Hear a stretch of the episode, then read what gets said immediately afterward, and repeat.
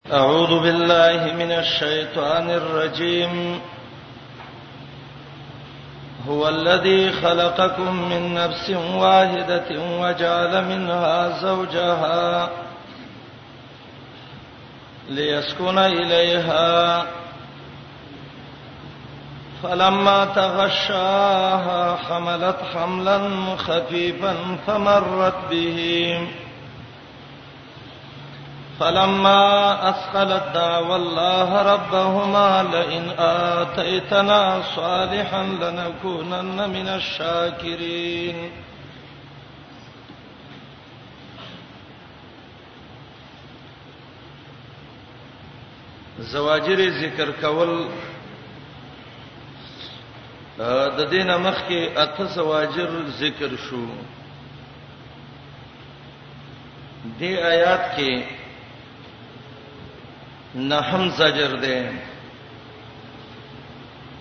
او دا زجر خزه او خاون ته دی هغه خزه او خاون چې واده شوی او بچی نه شوی د آیات کې هغه ته زور نه ده الله وی ربا غسات دې چې د یو جنس نه پیدا کړی وای به بیبي ګرځولې ده د دې جنس نه چې دا غیس سکون حاصل کی دمو سو کی کله چې دا خاون پټه کې د زنانه لره په جما باندې نو حمل والی سپک حمل تلل راتلل کوي د هغه سره هر کله چې درانه شي نو دا دواړه د الله نه دعا کوي چې الله کومنګ له نیک نر بچی راک الله ستاسو شکر به ادا کو کله چې الله رب العالمین ولا نیک بچي نر بچي ورکی نو دای به د الله سره شریک ګرځي ا دې آیات کې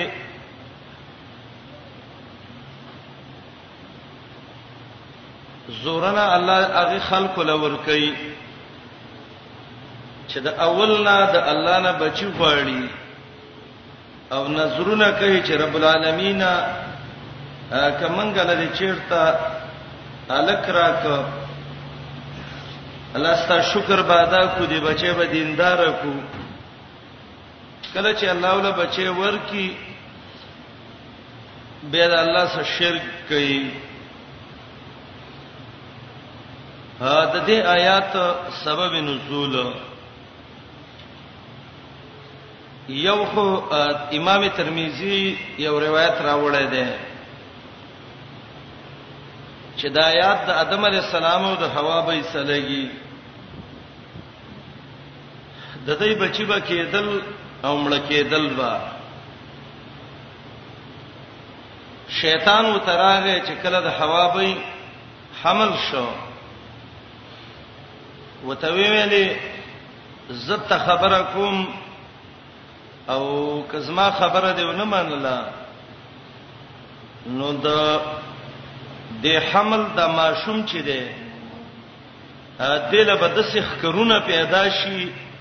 لکه د سارانه وسی چې څنګه خکر دي قرنه ایل چې توي ادا باندې ګډه وشلې یو د سبې سوي مړ شي خو زبته یو خبره وکما هغه ده چې کله دا ماشوم دی پیدا شو نو دل عبد الحارث نوم کېدا عبد الحارث معنی د شیطان بندا ویمغه سی وشو ما شوم پیدا شو ایسه عبد الحارث نوم کې خدا آیاتونه نازل شو چې ګوري تاسو دا ویلو چې الله صالح بچی راکې الله مونږ به شکر گزار شو نو اے ادم او حوا وستا سرالې او د شیطان بندم خپل بچي وګرځاو نو آیاتونو کې وې ادم علی السلام او حوا به له زورنه الله ور کوي دا روایت امام ترمذی راوړی دی امام ابن کثیر په دې روایت ډیر سخت رد کړی دی ځکه دې کې نسبت د شرک د آدم او حوا ته او آدم علی السلام شرک نه کوي دویم دا روایت چې ده دې کې راوی دی عمر ابن ابراهیم امام ابو حاتم الرازی وی چې عمر ابن ابراهيم چې ده دا ضعیف ده بل دا روایت موقوفا د سمرانه نقل ده مرفوع نه ده یا د دې روایت راوی ده حسن بصری او حسن بصری وای چې په دې آیاتونو کې اولاد ته ادم او د حوا مراد دي ادم او حوا خپل نه دي مراد امام قرطبي او امام رازي وایي وای دا واقعا چې څوک وایي چې دا آیاتونه د ادم او د حوا به عبارت دي نو دا اسرایلیات روایت دي شاولی الله رحمت الله علیه مترجم کې لیکي وای ادم ازلو سے شرک مبرابه شد ادم علیه السلام د شرک د بوی نه پاک دی و عنایت عصمت اورا مصادمت نکونه ده او د دې آیات نه د ادم علی السلام په شا باندې او په عزت باندې څه عیب نه لګي او به وی ادم زکه شرک نه کوي و ازنجا دانسته شو ده د دې ځای نه دا معلوم شو کې شرک تر تسمیه نوعي ستاسو شرک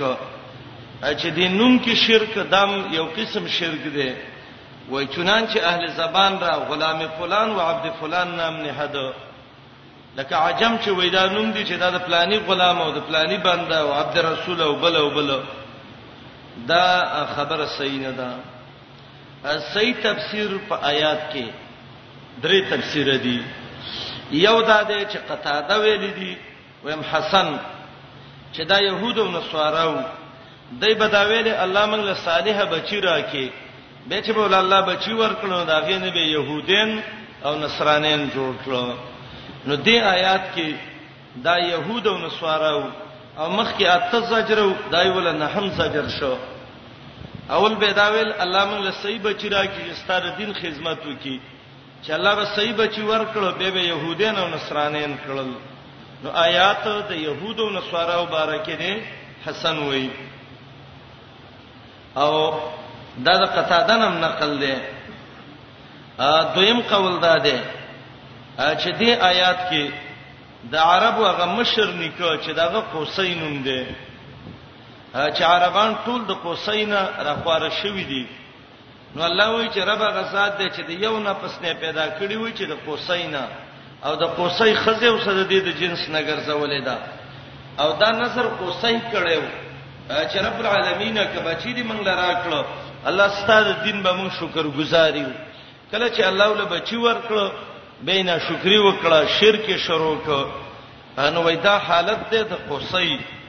نو یا يهود او نصارا دي او یا ابو العرب چې دي چې هغه قصي دي نو داغه حالت دی آیات کې دی او دریم قول هغه دا دی چې دا د عام انسانانو حالت دی او دا هو الذی خلقکم من نفس واحد وجعل منها زوجها ليسكن الیها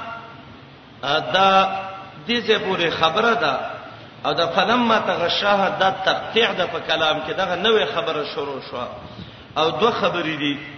الله غ ذات دی چې د یو ادم او د یو حوا نه پیدا کړی وای او د خځې او خاون جنس یو ګرځولې چې یو بل سکون او اطمینان او دمه وکي او دا فلما تغشاها دای به د بچو حالت دی تغشاها غش خپل معنی د پټواله او دلته د غش نه ما مراد جما کول دي دا خاون چې د خپل خځې سره جما وکي نو حملت حملا خفيفا هغه یو سپک حمل واخلي فمرت به د مرت کې دوه معنی دي یو معنی د مرت په معنی د استمرت څه ده او معنی دا د استمرت به اله حال الثقل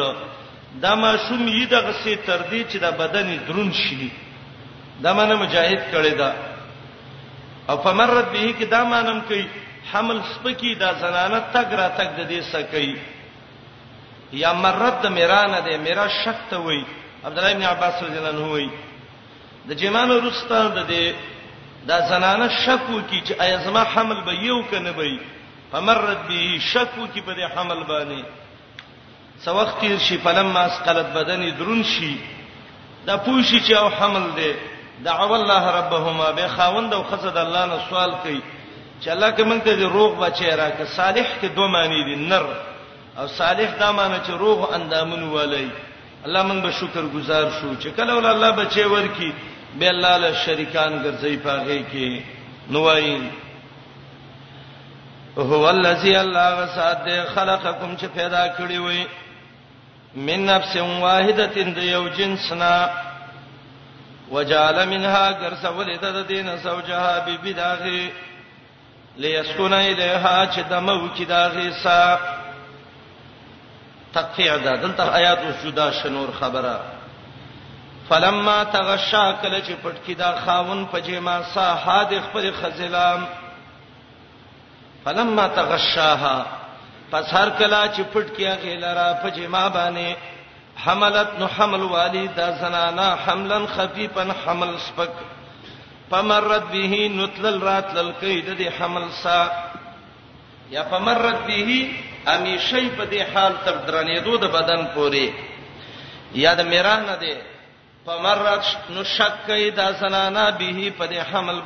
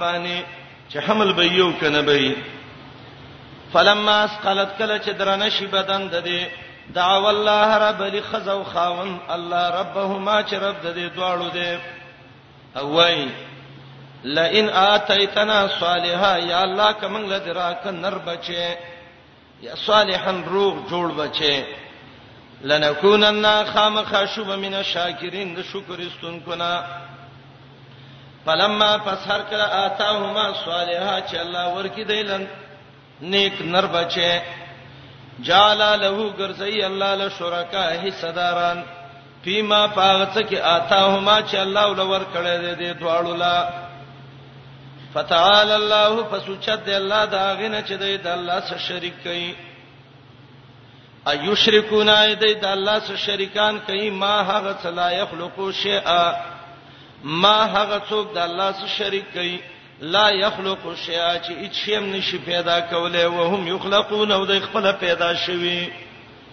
خپل پیدایش کې بل ته محتاج دی به تاسو په پیدا کی ولا يستطيعون وسن لري لهم د دې لپاره نصرن د مدد ولا انفسهم ينصرون او نه د خپل ځانونو امداد شي کولای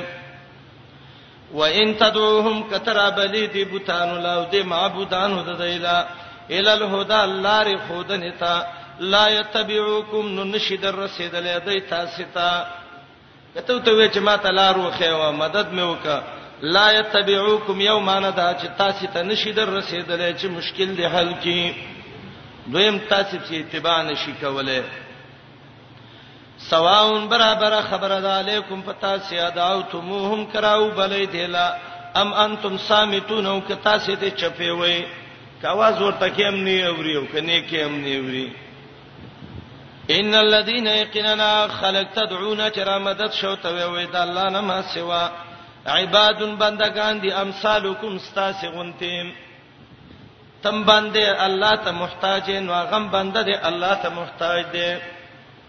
او الله څه عجیب خبره وکړه ښا بځې وې د آیاتونو د بوتانو باره کې دي الله وې ستا غونته بنده دی نو کته بوتي خدا بم بوتي او کته بوت نه نو دا بم بوت نه فدعوهم دته امر د زجر د پاره وې تهدید د پاره زیراوی بلې فلستجیبوا لكم نو پورا پورا دي کی حاجت تاسو لپاره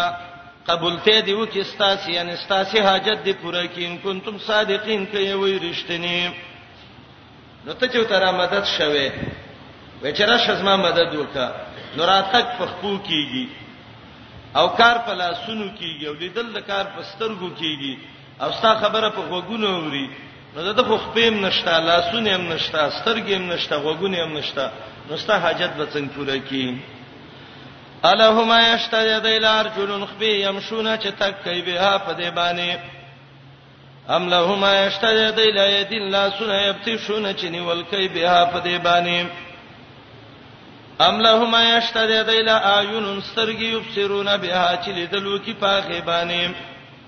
یبتشون نیول پیو کې یبصرون لیدل وکي ام لهم یشتری دیل آسان غوګونه اسمعونا چې اوریدل وکي په دې باندې الله پنځه صفاتونه نه پکړه دینه الله وای مشي نشي کولای بتش نشي کولای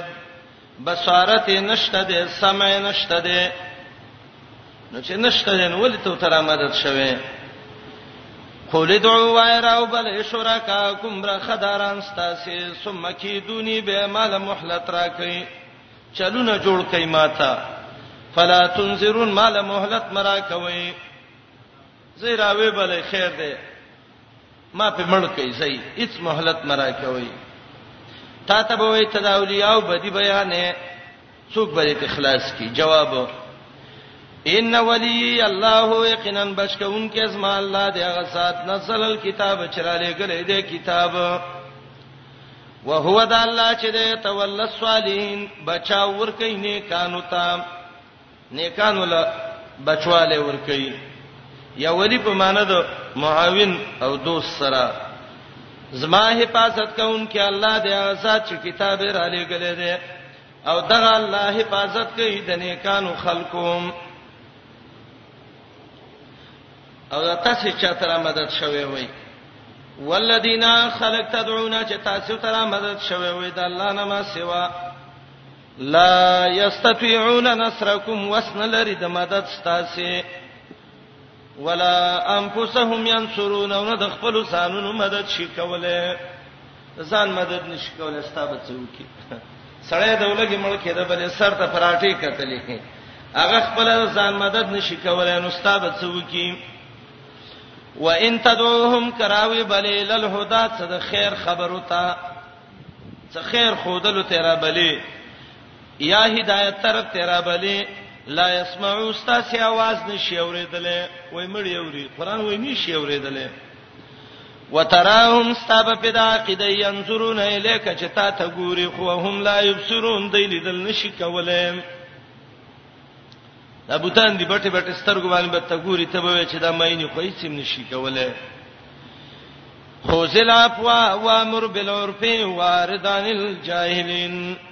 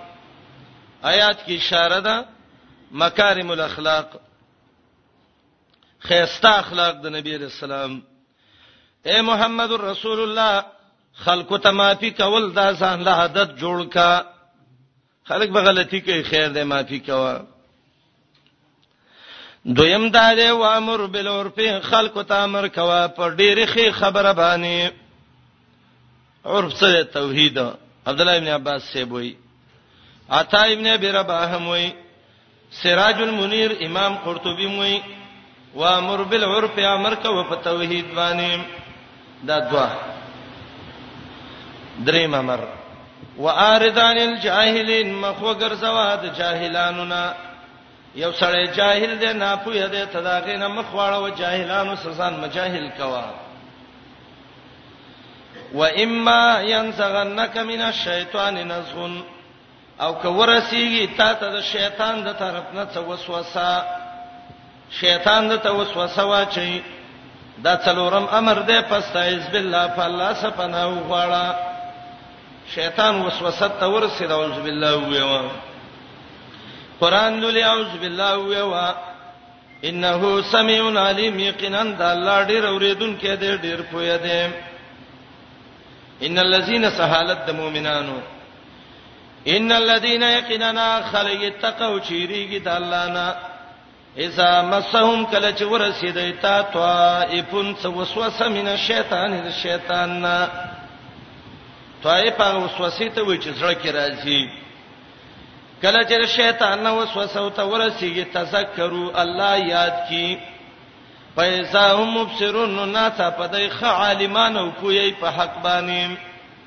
او دا علاج دی ښا شیطان د توسوسه ور سولا اعوذ بالله من الشیطان الرجیم ویوا الله یاد کا حدیث کې دی شیطان به توي ته الله پیدا کړې پلار دې الله پیدا کړ نیکه دې الله پیدا کړ فمن خلق الله دا الله چا پیدا کړ وسوسه به ته چي نو ته به دې وخت کې درې ځل چپ طرف ته لاړې توکې او وبوي اعوذ بالله من الشیطان الرجیم قل هو الله احد الله الصمد لم يلد ولم يولد ولم يكن له كفوا احد دا صورت به و او به به ولینتهی من شید دغه وسوسې نه خبره بړته نه راچې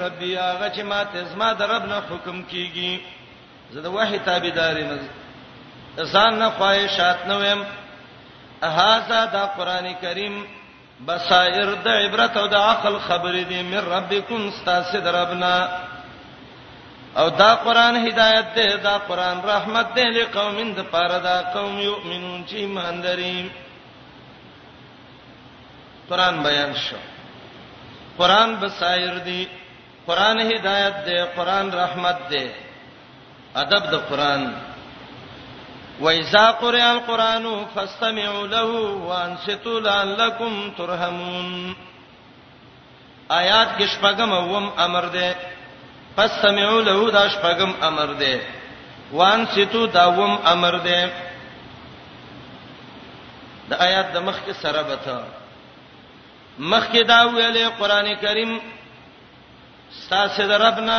بصائر دی قران کریم هدایت دی قران کریم رحمت دی دلته وای ادب د قران دا دی قران بیانېږي خوګ وته کېدا قران بیانېږي چپشا دا ادب دی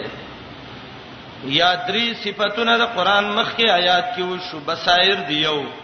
هدایت دی دوا رحمت دی درې څلورم یې دې آیات کې ذکر کړي که رحمتونه د الله غواړي نو قران ته وښه او قران ته چپ شد قران وخت کې وایذا قرئ القرآن کله چې لسته کیږي قران کریم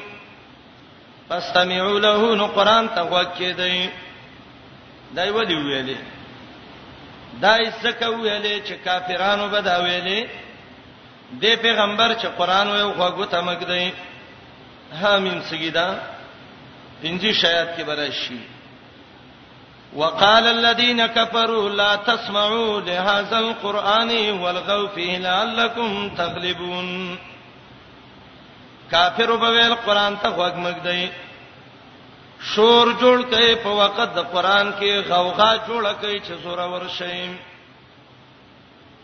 الله وینا قران بیان شو وګوته کېدا قران بیان شو چپ شه فاستمعوا وانصتوا د امر مطلق دی مطلق امر کې وجوبي معنی د معنی دا ده قران ته چپ کېدل او د قران اورېدل دا لازم دي انسان باندې د دې وجنه په توالن ګریه کې لیکلي دي وای مکروه دی قرات د قران جملتن واحدتن یو ځل باندې ټول لګي یو یو شورې جوړ کړي دي دا مکروه عمل دی دا کله ختمین چې کوي بیان القرآن کې لیکل دي یو زبانه قرآن لوستل دا صحیح نه دی ولې نه دی هر سړی لګي شور کوي نو دا د ادب د قرآن سم مخالف دی پیرانو ادب د قران کړو سوره احقاف وګورئ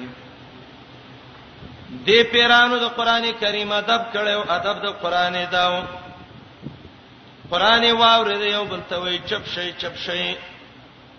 د خیر کتاب موریدل ناشنا د برکت کتاب دی ښا الله له هدایتم داغه د وجنه نصیب کوم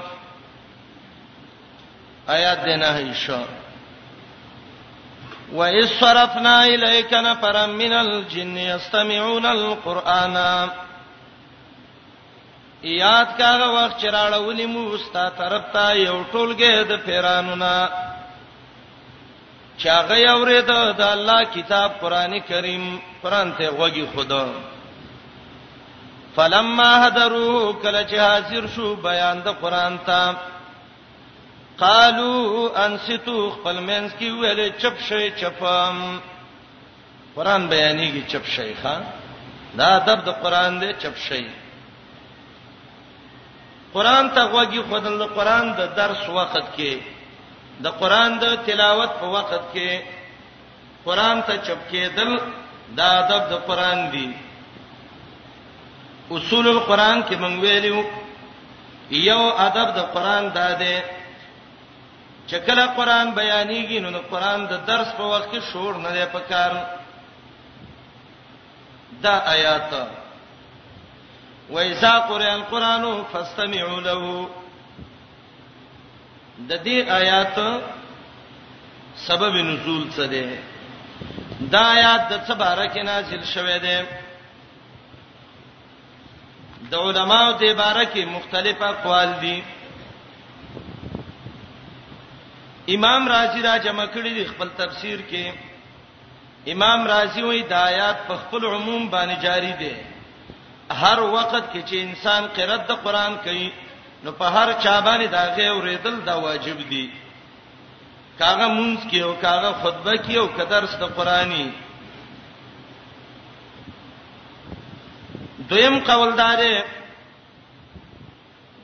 چې خلکو به منځونو کې خبرې کولې منځ کې به خبرې کولې دا آیاتونه نازل شو چې کله قران بیانېږي نو چپ شي یعنی منځ کې خبرې مکوي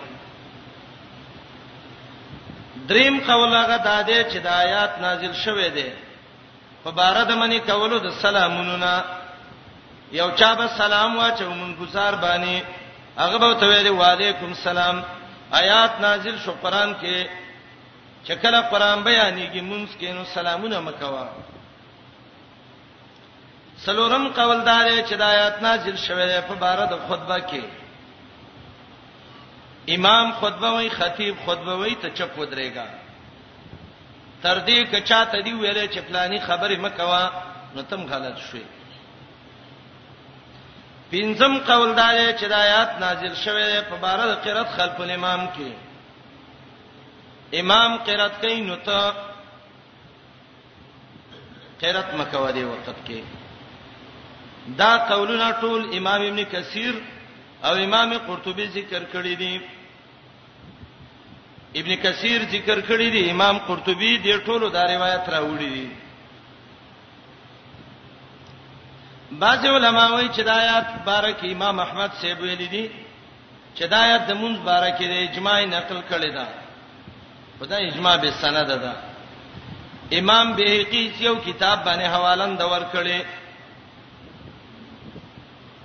بل دا دی چې اجماع نشته ابن کثیر نور اقوالم دلته ډیر راجمع کړی دي دې آیات باندې بعض خلک دلیل د دې ذکر کوي چې کله امام منځ کې ولاړی سورته فاتحه وای نو ته به فاتحه نه وای ولی وای قران کې دي چې قران بیانېږي نو وګ شی او دیتا لګوګونی صحیح دا استدلال په دې باندې صحیح نه دی اوله وجه دا ده چې د آیات مقصد دا دی چې امام پسې ولاړی نو چت आवाज باندې امام پسې قرات مکوا استماع ځان سویل دا د استماع او د انصاف سره منافی نه دي او د دې دلیل دا دی صاحب د هدايه وای په باب د خطبه کې چې کله خطیب د آیات ولولي ایه الذین آمنو صلی علیه وسلم تسلیما نو اوریدون کې د پټ ځان سره اللهم صل علی محمد و علی ال محمد وای د کفایه والا په بر اعتراض کړی دی چې خطیب کله قرات خطبه کوي نو به خو به قرات نه کیته نو ته څنګه دی وی چې اللهم صل علی محمد نو هغه وی دا په جبه باندې ویل د ځان سره دا د استماع او د انصات سره منافات نه لري نو دلته امام لګیره قرات کوي فاتحه وی نو تیم د ځان سوي ودا د استماع او د انصاف سره وان سیتو سس منافی نه ده دویمه دا د امام قرات کوي امام ترمذی دا روایت ذکر کړی دی امام بخاری هم جزء القرات کې راوړی دی امام سکته کوي نو ته قرات وکا امام وی الحمدلله رب العالمین نو ته مو الحمدلله رب العالمین امام وی الرحمن الرحیم مالک یوم الدین غلی شو نو ته به وی الرحمن الرحیم مالک یوم الدین سکتو کی وایا امام بخاری جزء القرات کې دا راوړل امام ترمذی وی دا مذهب دی د حدیثو چې امام سکته کوي نو ته قرات ویوا بله وجه دا ده چې د آیات اگر چې سورته فاتحه ته شامل دی عام دی لیکن احادیثو کې د دینه تخصیص د فاتحه راغلی دی لا صلات لمن لم يقرأ بفاتحه الكتاب لا تجزئ صلات نبی علیہ السلام وی کم مونږ کې چې فاتحه ونه ویلې شي هغه ناقص مونږی ابن حاجب داغه کتاب مختصر الاصول هغه کې ابن حاجب وی و تخصیص د قران په خبر واحد صدا د ائمه اربعو قول دی احناف کې صرف عیسی ابن ابان او د کرخی قول دا دی چې خبر واحد باندې تخصیص د قران نه کیږي د عیسی ابن ابان او د کرخی دا قول صحیح نه دی بل وجه دا ده امام ابو المظفر سمانی خپل تفسیر کې لیکلی دی چې مولانا عبد الحی لیک نبی ویری دی چې دا آیات دلالت په دې نه کوي چې ته په امام پسې فاتحه مولوله سری او جهري منځ کې په حال د سکتو کې ستایو خبره ده ځان سي یاد کړئ قران بیانېږي قران ته وکړئ دا مانند چې ته امام پسې روسته فاتحه مو ویوا ولی نبی علیہ السلام یا غمون چې هغه کې فاتحه نه دامن ناقص ده هغه مون چې هغه کې فاتحه نه دامن صحیح نه ده هغه مون چې هغه کې فاتحه نه دغه مون نقصانی ده ولی ځان له مون نقصانی کې بلدایا چې دې کې پنځه اقوال د علماو دي یا منځ بارکه ده یا سلام بارکه ده یا منځ کې د خبرو بارکه ده یا د خطبه بارکه ده او یا د قرات خلف الامام بارکه ده استاد چې اقوال ګڼ دی او تیرال یو پوری یو مشترک شیخ خاص کینو دا صحیح نه ده بعض علما وایي تاویل کوي څه دغه کوي تطبیق کوي تاسو به ورېدلې دي اصول شاشي او دي کتابونو کې چې حدیث کې راغلي دي نبی عليه السلام وي هغه مونږ چې هغه کې فاتحه او نلوستې شینو هغه ناقصي نه کیږي وای نه جی کیږي څنګه کیږي لا صلاته کې دا لام راغله او دا لام نه پر کمال د فاره دی لام نفی د کمال د پاره دی او معنا دا ده چې لا صلاتا مون نکیږي خو کامل مون نکیږي سمانه بالکل دغه خبره صحیح ده کم مون چاره کې سورته فاتحه ویلې شینو دا کامل مونږي او کم مون چاره کې فاتحه ونه ویلې شینو دا ناقص مونږي نو بغیر د فاتحه نه مون ناقص ده او فاتحه سمونس کامل ده نبی علیہ السلام چې ویلو صلو کما رایتمونی وصلی مونږ کوي دا چې مونږ چې څنګه مونږ کوما نو محمد رسول الله ناقص مونږ کو که کامل مونږ کو کامل مونږ کو بل دا ناقص مونږ باندې الله رب العالمین بندله اجر نه ور کوي ناقص مون ټوټه کې تاویږي او بیرته دې مخ نه ولولي دی به زر وي یره اصول شاشي کې وي دغه راغلي دی کنه چې لا صلات کلام نه په کمال د پاره دی بالکل هم دغه خبره ده دا مونږ هم یو کنه سمانا لا صلات معنا ده کوم مون چې هغه کې سورته فاتحه ونه ویلې شي نو دا مونږ کامل نه دی نو چې کامل نه دی نو څه شي شو ناقص مونږ شو نو ناقص مونږ باندې خلا اجر نه ور کوي ګره الله چې اجر ور کوي پاغي مونږ باندې ور کوي چې کامل مونږي کله به ویرا دا کلمه د من راغلې ده ښا لا صلات لمن دا کلمه د من راغلې ده او دا د من کلمه چې دا صرف دغه سلګيږي د امام سلګيږي نو معنا دا ده د امام منځ به د فاتحه نه نه کیږي البته د مقتدی منځ به د فاتحه نه کیږي ساده ویول د عربي ورانه نور لنوار یو سلو نه ویا کې وای چې کلمه د ماومن د عموم او د خصوص د دواړو احتمال لري لیکن اصلي معنی خپل چې د نوغه عموم معنی ده من کې خو عموم دی د هیڅ مون نه کیږي نو د امام منظم به فاتحه نه نه کیږي او د مقتدی منظم به فاتحه نه نه کیږي وای دا د منفرد باره کې ده مسله دا یاد کړئ دې معاملاتو کې نه موږ چا سزت کوو نه دې معاملاتو کې حسد کوو خو موږ د څه کوو چې الله او رسول څنګه ویل دي محمد رسول الله علیه السلام چې څنګه ویل دي موږ هغه باندې عمل کوو اکثر دا باز خلک پوی نشي دې مسله کې بیا غي غلطه طریقه باندې ور رواني څنګه غلطه طریقه کوي کله به داسې وای رب دی وای چې فاتحه دا حدیث کې راغلی ګوره نبی علیہ السلام وای چې قرات د امام دا هو قرات د مقتدی دی کنه ګوره حدیث کې نه دی راغلی قرات الامام قرات المقتدی من کان له امام فقرات الامام قرات له حدیث کې راغلی دی زمون خبره باندې ځان پوي کوي کله چې مسله واضحه شي به هیڅ مشکل نشته دی هغه دا دی منګ ویو یو قرأت دی او یو قرأت د فاتحه دی د کې فرق دی زمونږه مرګري مکسر بعضی وخت سادهګان مناظری عنوان لیکینو غلط ولیکي وای راځي په قرات خلف الامام باندې نه نه قرات خلف الامام خو قرات د فاتحه خلف الامام دا مسله راواله به وګوره حدیثو کې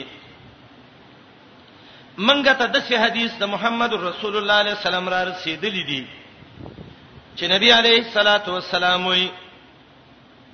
امام پسې چې قرات کیږي نو امام پسې به قرات نه کوي البته سوره فاتحه به وي وي د صحیح حدیث مونږ تر رسیدلې دي یو سړی د دې حدیث وخی چې نبی علیه الصلاۃ والسلام نه صحیح حدیث باندې ثابتي څنګه چې تاسو امام په صفات هم ولولې او قرات هم ولولې بالکل به نه کوو مونږه نه به فاتحه ویو نه به قرات ویو بس غلی به ودریو کنه څه کار دی خو مونږ ویو محمد رسول الله علیه السلام ویل دي تاسو امام چې قرات کوو نو تاسو نور قرات مکوي خود سورته فاتحه قرات کوي تخصیص یې کړی دی یو مطلق قرات دی یو قرات د فاتحه دی من قرات یو خو مقید قرات یو چې قرات د څه شي دی د فاتحه دی امام بهقي دی باندې یو کتاب لیکل دو جزء کې قرات خلف الامام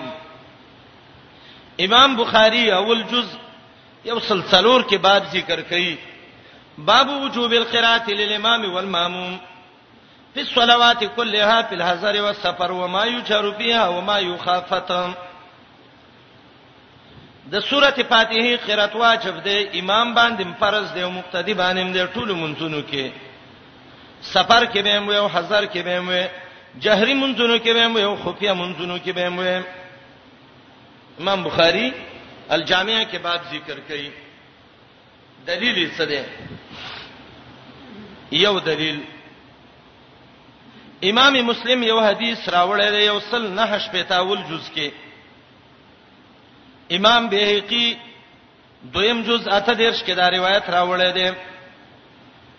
عباده ابن صامت رضی الله عنه ان رسول الله صلی الله علیه وسلم قال محمد رسول الله ویلی لا صلات لمن لم يقرأ بفاتحه الكتاب دا هغه چا مونږ بالکل نه کیږي چې سورته فاتحه ونلولیم دا یو مولا فتوا نه ده دا فتوا د محمد رسول الله علیه السلام دا چې به د فاتحه نه مونږ کیږي لا صلات لمن لم يقرأ بفاتحه الكتاب داینه دی ویلي چې د مقتدی کیږي او د امام نه کیږي او د ځان لمون کوونکی کی نه کیږي او د شریک مون کوونکی کیږي سلبی کلی کله لا صلات بالکل مون نه کیږي دویم روایت امام احمد راوړی دی په خپل سند باندې مسند احمد کې پنځم جز 322 کې امام احمد وایي عن ابن اسحاق حدثني مكحول عن محمود بن ربيع الانصاري عن عباده بن الصامت رضی الله عنه دا روایت بالکل صحیح دی په دې کې چې نور قرات باندې کې خو یو فاتحه به وي حدیث د عباده دی عباده رضی الله عنه وی صلی بنا رسول الله صلی الله علیه وسلم صبح فقرأ نبی علیہ السلام د سار مونږ کاوه قرات کاو فسقلت علیه القران قرات په د باندې درون شو عباده وي منګم پسې قرات کاو نبی علیہ السلام هم کاو فلمن صرف رسول الله من صلاته نبی علیہ السلام چې کله مون نه راو ګرځیدو اقبل علینا بوجهه مونږ ته مخ راواړو نبی رسول الله ویل انی لاراکم تقرؤون خلف امامکم زما دا خیال لري چې تاسو امام په سیروسته قرات کوي اذا جهر کله چې امام په تیز مونږ کوي قال صحابه وی قلنا جل والله یا رسول الله او یا رسول الله ته چې قرات کې په تیز زمانه نو مونږ هم کوو نو نبی علیہ السلام ته وی لا تفعلوا الا بام القران فانه لا صلاه لمن لم يقرا بها زچ قرات کوم نور قرات مکوي خو صرف سوره فاتحه وی وی ولی به د فاتحه نه مون کیږي وګوره سری روایت ده کنه جهري مونږ کې نبی علیہ السلام په فاتحه وی ماپ سی وی وی دا روایت امام بهقي کتاب القرات کې راوړی دی امام ابن حجر نتایج الافکار کې راوړی دی امام بهقي وایي سند بالکل صحیح دی ښا بعضی خلکو دا ویلي چې دې کې دا محمد ابن اسحاق دی هغه مدلس دی نه نه مدلس نه دی مدلس بالوي چې د تصریح په تحدیث نه وکړي او محمد ابن اسحاق وایي حدثني مکحول تهذیب التهذیب کې دی چې کله د مدلس تصریح به تحدیث راشي بیا روایت صحیح کیږي دا روایت دی صحیح روایت دی امام پتی زمانه مونږ کوي نو ته نور قرات مکه و صرف سورۃ فاتحه ولولا دریم روایت امام بیهقی راوړی کتاب القرات کې د زهری نه نقل کوي هغه د محمود ابن ربیع نه نقل کوي د عباده ابن صامت رضی الله عنه روایت ده عباده وی قال قال رسول الله صلی الله علیه وسلم لا صلاه لمن لم يقرا بفاتحه الكتاب خلف الامام صحیح تفسیر روایت ده کنه داغه چا مون نه کیږي چې امام پسې روسته سورته فاتحه نه وایي بالکل سند صحیح دی حنفی عالم شانور شاه کشمیری داغه کتاب دی فصل الختام یو سلوت اولیخ کې وی روایت سند بالکل صحیح دی څونه تسری ده امام په سروسته فاتحه ونه ویلې مونږ نه کیږي سلورم روایت امام بخاری جزء القرات کې راوړی دی 55 کې بهقي کتاب القرات ته 55 کې راوړی دی حسمی مجموع الزوائد کې راوړی دی امام طبرانی هم دا روایت راوړی دی ابو یعلا ابن حبان دې ټولو دا روایت راوړی دی دا انس رضی الله عنه روایت ده انس وای نبی علیہ السلام یو ځل صلی بیا صحابه مرګرو له منځ وکړه فلما قضا صلاته منذ پورا ک اقبل علیهم بوجهه راو ګرځید صحابه ته ویلې اتقرؤون فی صلاتکم والامام یقرأ امام چې قرات کوي نو تاسو قرات کوئ فسکتو صحابه چپ شو فقالها ثلاث مرات اندریز نبی علیہ السلام ویلې یو صحابي ویلې او ان لنا فعل دا کار کو نبی علیہ السلام ویلا تفعلوا دا کار مکوي اول یقرا احدکم بفاتحه الكتاب فی نفسی سوره فاتحه ځان سوي وي امام هیثمی وي رجال د سند بالکل صحیح دي دا تصریح ده په دې باندې نور قرات مکوي فاتحه وی وی پنځم روایت امام مسلم اول جز یو سلویا کرا وړی دی ابو هريره جنو روایت دی نبی علیہ السلام و ایمان صلی صلاه لم یقرا فیها بام القران چا چې مونږ کو سورته فاتحه کې ونلو الصلاه فهي خداج خداج خداج غیر تمام ناقص منځ وک ناقص منځ وک ناقص منځ وک د حدیث ابو هريره بیانوو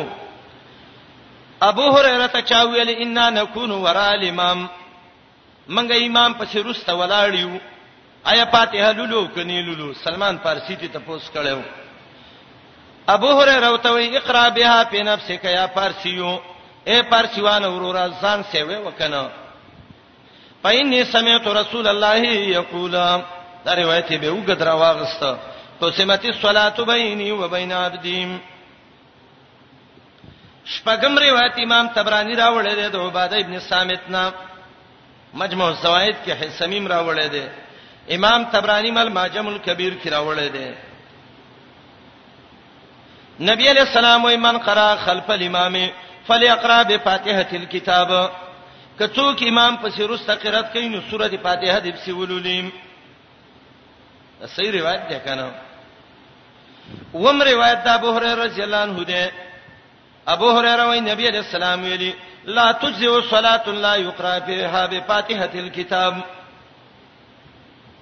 هغه مون صحیح نه دی چې هغه کې سورته فاتحه ونه ویلې شي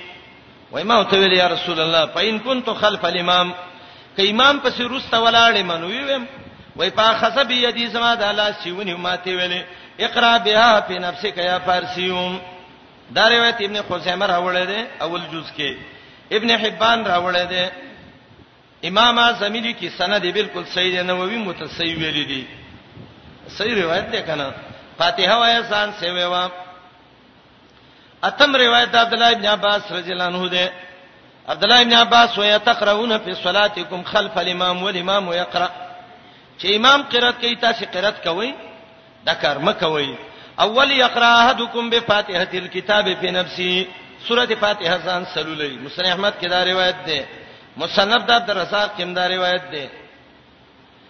امام بهقي کتاب القرات کې بل روایت د ابن عباس نقل کړی دی کنز العمال کې دا روایت صحیح کړی دی چې اقرا خلف الامام بفاتحه الكتاب فاتحه امام په سرستلوله لسم روایت امام بهقي کتاب القرات کې راوړی دی د عائشه رضی الله د ابو قلابه روایت دی چې هغه د محمد ابن ابي عائشه نه نقل کړي دا د نبی اسلام یو مرګره و هغه وی قال قال رسول الله صلی الله علیه وسلم نبی علیہ السلام ویل لعلکم تقرؤون والامام یقرأ کې دې شي تاسو قرات کوي او امام هم کوي صحابه ویل ان لنفعل دا کار کوو نبی علیہ السلام وی فلا تفعلوا الا يقرا احدكم فاتحه الكتاب في نفسه نور مو کوي صرف فاتحه لولي یولسم روایت د ابو قتاده دی چې نبی علیہ السلام ویلو اتقرؤون خلفی تاسو قرات کوي رستا وای موږ ویل چاو وای لا تفعلوا الا بفاتحه الكتاب امام به قرا وړه کنزل مال کې مشتا دولسم روایت د عبد الله ابن عمرو بن العاص رضی الله عنه دی امام تبرانی او بزار راوړی دی نبی علیہ السلام ویلي هل تقرؤون اذا کنتم فی الصلاه هل تقرؤون ما اذا كنتم في الصلاه کله چې مونږ کې وینو ما په قرات کوي صحابه ویلیاو رسول الله وی فلا تفعلوا الا بام القران نور مو وی سورۃ فاتحه وی وی عمرو ابن شعیب یو روایت ده چې هغه امام بخاری کتاب القرات کې راوړی دی هغه کوم دار چې فلا تفعلوا الا بام القران میمون ابن مهران د خپل پلار د نقل کوي وای نبی علیہ السلام ویلو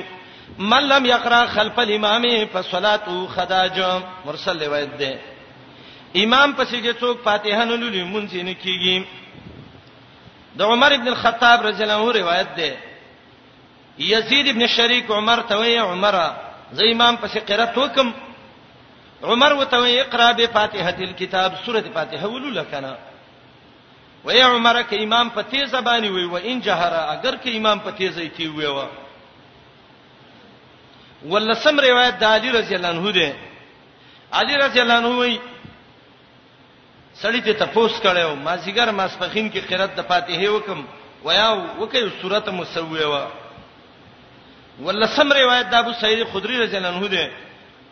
هغه کوم دا دی چې بفاتحه الكتاب ولولا اتلسم روایت د جابر رضی الله عنه دی هغه کوم دا دی چې فاتحه ولولا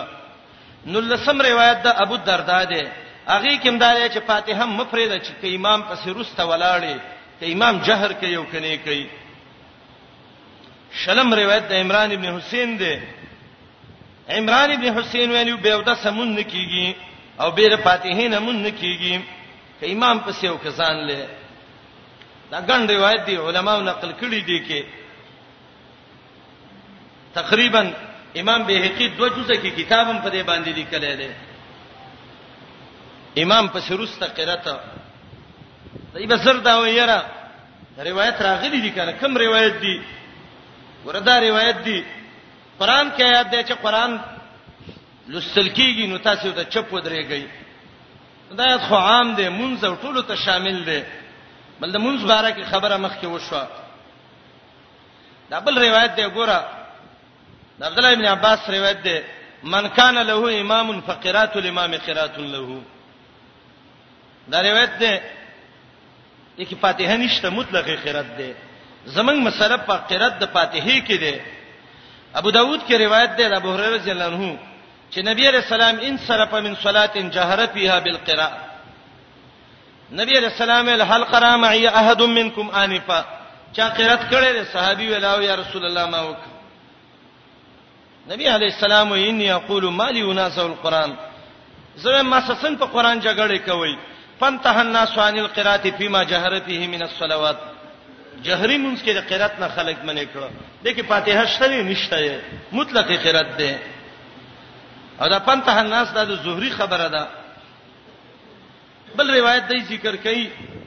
عبد الله بن عمر رضی الله عنه روایت ده اذا صلى احدكم خلف الامام فحسبه قرات الامام د امام قرات ولا بس ده نو قرات دی قرات د فاتحه خو نه دی دارنګ روایت د عطا ابن یسار ذکر کړي چې هغه د زید ابن ثابت نه قرات مال امام بارکه ته پوښ وکړه هغه اله قرات مال امام قرات نشته دی فاتحه خو دینه مستثنا کړي د شریعت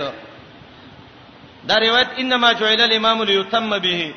فاذا کبر فکبر ولته یو روایت دی وایذا قرأ فنسیتو دې کې دا اختلاف هم دی چې دا قید ثابت دی او کنه نه خو که ثابت شي هم قرأت راغلی دی یو مطلق قرأت دی او قرأت د فاتحه د دې کې فرق دی بعضی وایي ګوره دغه کې راغلي دي تهاوی کې روایت راغلی دی چې امام کله قرأت کوي نو چپ شه انصت فإن في الصلاة شغلا ويكفيك الإمام دا ګور عن القرات قرات د فاتحه نه دی عمومي قرات دی کله وی جابر ابن عبد الله روایت دی چا چې یو رکعت منځو کا فاتحه کې ونلوستله نمونځ نه کیږي الا ورا الامام دا روایت دی موقوف روایت دی او روایت موقوف د مرفوع مقابله نشي کوله د عمر رضی الله مبارک راضي وي چې تو قرات لولي خلک ولا غټي اچوما د سعید دی محمد ابن عجلان دی کې عبد الله ابن عباس رضی الله عنه ویلو چې د امام مخه ته قرات مکوا د موقوف روایت هم نه مجمل هم د مطلق قرات راغلی دی په وای سعد ابن ابي وقاص وای که څو قرات کوي زول خلک کې سرکوټه چوما د سند ضعیف دی ابو نجات راوی دی په سوره روایت چې د باب کې راغلی تاسو وګورئ یاغه خلک چې هغه د دینه منی کوي چې مونږ ته قرات ثابتو چې قرات بنه کوي موږ یو تاسو زمنګ دعوه و پیژنې موږ د مطلق قرات باره کې تاسو سباس نه دي امام قرات کوي ته مکوا زمنګ باس دی کې دي چې امام قرات کوي ته سورته فاتحه شی ویلې کله دا اعتراض کوي چې ګوره امام د رکوع کې راګیر کو نو فاتحه ختمه شو ونه شو کنه نو اول خو دې کې اختلاف دی چې مدرک الرکوع مدرک الرکعه دی او کنه دی خو زه دا ثابت ده چې مدرک الرکوع مدرک الرکعه شو دا استثناء شارع کړی دی نبی رسول الله کړی دا تاسو د یو استثناء وخی وي چې محمد رسول الله علیه السلام ویلي چې تاسو امام په سورته فاتحه مولولای بالکل به موږ نه لولو کله به دوی وی چې یاره امام ابو حنیفه مناظره دې کې کړې و الیدیس ته وای مناظره وا او به وته ویلو چې تاسو ماته یو مشر مقرر کړئ هغه وی وته یو مشر مقرر کړ وای هغه چې بس ما وګټل ځکه چې یو ستاسو د ټول خبره کوي کنه ویا وای د امام هم زمونږ د ټول قرات کوي اول خدا سند وخه چې امام صاحب دا مناظره کله وکړو چا سه وکړه دروغ خبرې کوي دروغجنه او دویم دا دی چې دا څنګه امام دی چې امام سبحانك اللهم وي مقتدی به موي امام الله اکبر وي مقتدی به موي امام سبحان ربي العظیم وي مقتدی به موي امام ربنا لك الحمد وي مقتدی به موي هغه به تحیات وي دا به موي دا څنګه وکیل چې یو سورته فاتحه کې دغه کده وکیل کو په نور کې به وکالت ختم کو موږ ویو منځونه هغه طریقه باندې کول غواړي چې کومه طریقه باندې شریعت ویلي رسول الله علیه السلام وی امام چې کله قرات کوي ته قرات مکه او چپ ودرېګا او سورته فاتحه ولولا به د فاتحه نه مونږ کیږي لکه څنګه چې به او د سمون کیږي نو به د فاتحه نه مونږ کیږي نه به زر وې یره درغلي دي من کان له امام فقرات الامام قرات سید د امام قرات دا ما سیول فاتحه ده و اذا قرأ فانصتوا قرأت وکي زه بالکل دا فاتحه نه ما سیوا ده فاتحه خو نبی رسول الله نور قرأت مکوي صرف فاتحه ولولئ ته د سی ویو چې نبی علیہ السلام ویلي چې نور قرات مکه وی فاتحه مکه وی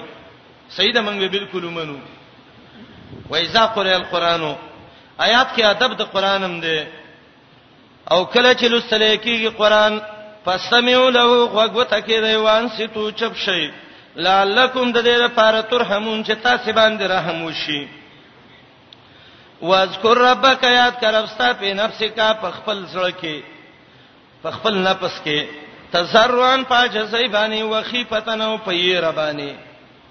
ودون الجهر من القول او نه پتیزا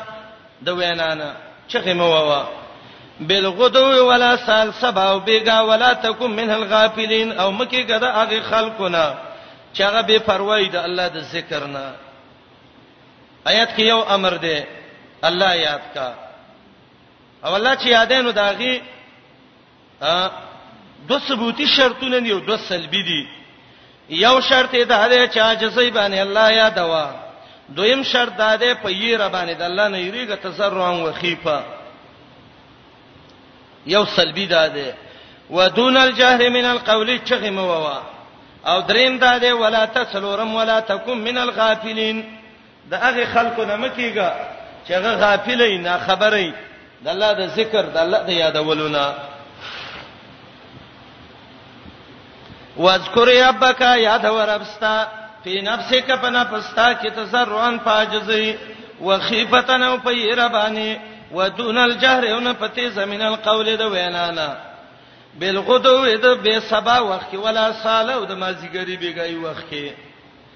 سبا بیګا ذکر کوه دعاګانې کوه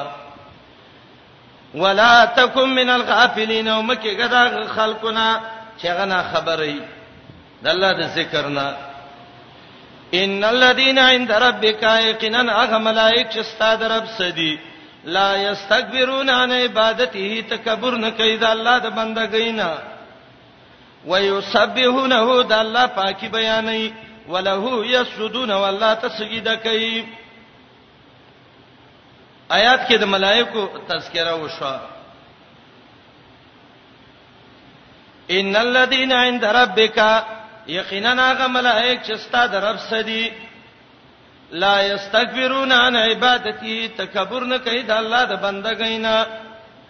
ويسبحونه د الله پاکي بیانې وله يسجدون والله تسجد کوي آیات کې د ملائکو صفاتونه یو عند ربک یو ادا ده چې لا استكبرون عن عبادته تکبر نه کوي دویم ويسبحونه د الله پاکي بیانې دریم وله يسجدون والله تسجد کوي دې آیات کې د سیده تلاوت ده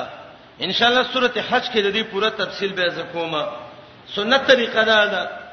چې سیده تلاوت د باندې واوخته د الله سیده وکا د سیده ته پاتېدل ضروری نه دي پناستم شي کوله باقی دا چې دې کې به تکبیرونه وې او کنه به وې چې خطا کېږي الله اکبر به وې پورته کېږي الله اکبر به وې کنه به وې عدلای مسعود رضی الله یو اثر پکې دی چې هغه به سجدي له تم الله اکبر به ویو او چې پاسیدم الله اکبر به ویو دغه کې باج علماء څخه کلام هم ذکر کړی دی لیکن عمومي حدیث چې نبی رسول الله یکبر عند کل خبز و رفع کته چې به تمونس کې الله اکبر به ویو چې چته دم الله اکبر به ویو ځان لمونځ کې کوي وي او کوي نه وي امامتۍ کې وي و د عمومي روایتونه به دغه شي او که چاو نه ویني مونږ سید ان شاء الله دونه ضروري کې نه ده دوام پکې شي کوله سجده کې سجده وجهي للذي فطره شق سمعه وشق بصره نور دعاګانې شي کوله کې او دا سجده څونه دي قران کې روان دي ان شاء الله سورته حج کې به دا زویما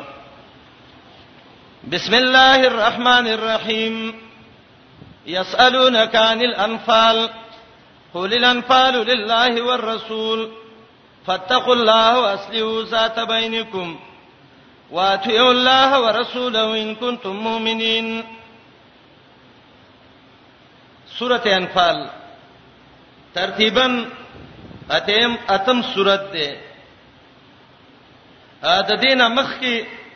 و سوراتونه ختم شو فاتحه بقره ال عمران نساء مائده انعام اعراف دا تم سورات ده الانفال او نزولن اتاتهم سورات ده د بقره نه رست نازل ده دې سورات ته سورۃ الانفال موي او د دې سورته دویم نوم دی سورۃ البدر دته سورۃ بدر هم وایي انفال وته وایي بدر وته وایي انفال وته وایي زکه د مال نفل د غنیمت ذکر دی په کې بدر وته وایي زکه د بدر واقعیا ده په کې د سورۃ د مخ کې سره بته مخ کې سورۃ کې اثبات د توحید او عقلی دلیلونو باندې انفال کې جهاد دې د پاره د اعلا د کلمت الله تور راواله ټوپک راواله د الله دشمنان مړکا چې د توحید په خوان پوي شي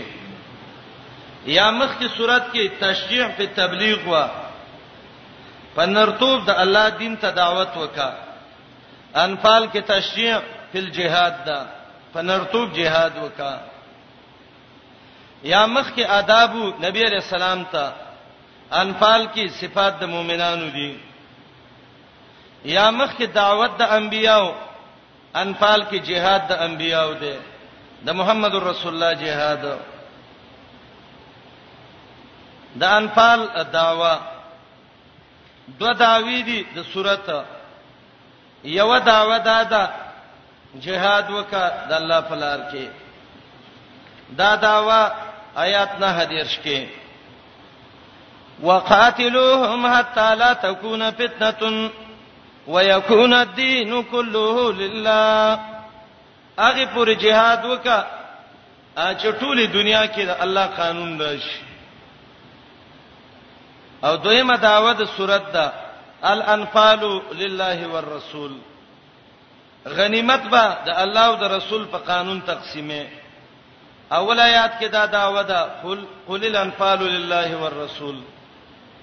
او دا داوا یو څول ختم آیات کې دا وعلموا انما غنمتم من شيء د سورۃ خلاصہ انفال دوه حصے دي اړومبنې حصہ څولېختم آیات پورې ده او دې حصہ کې دوه بابونه دي اولنې باب نل آیات پورې ده د کې د صورت اولنې داوا هغه داوا چې الانفال لله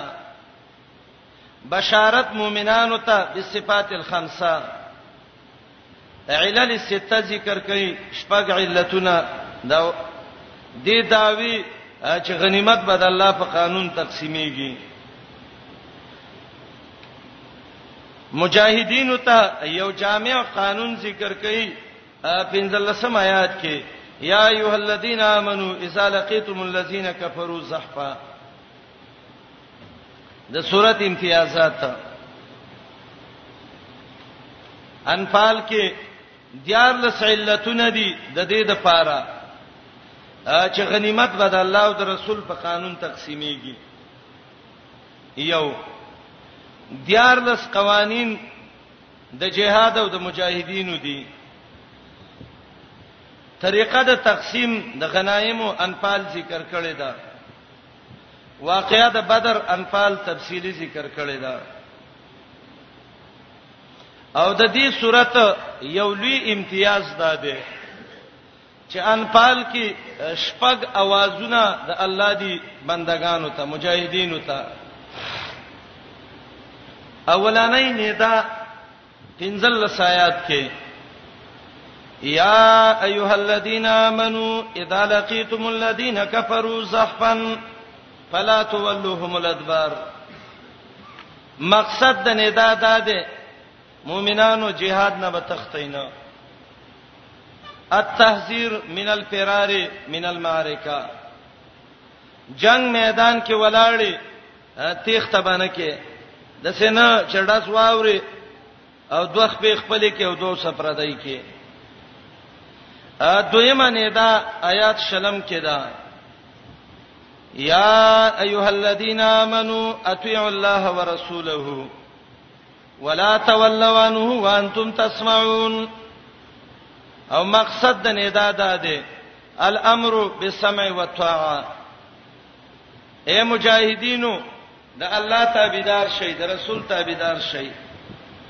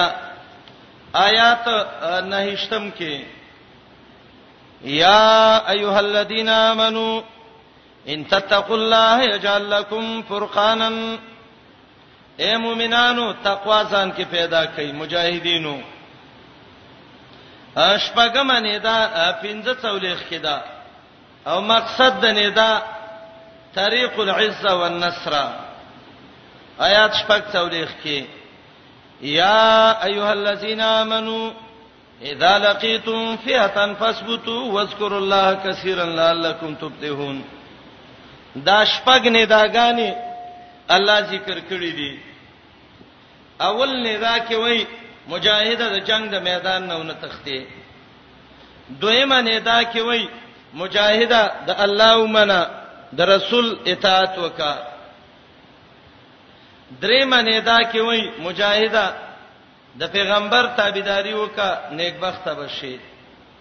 څلورم ندا کې وای مجاهده راز مو ویوا دا د الله او د رسول څخه خیانت ده پنځمه ندا مجاهده متقی شه او شپږمه ندا مجاهده کلک شه الله به عزت او نصرت دل درکې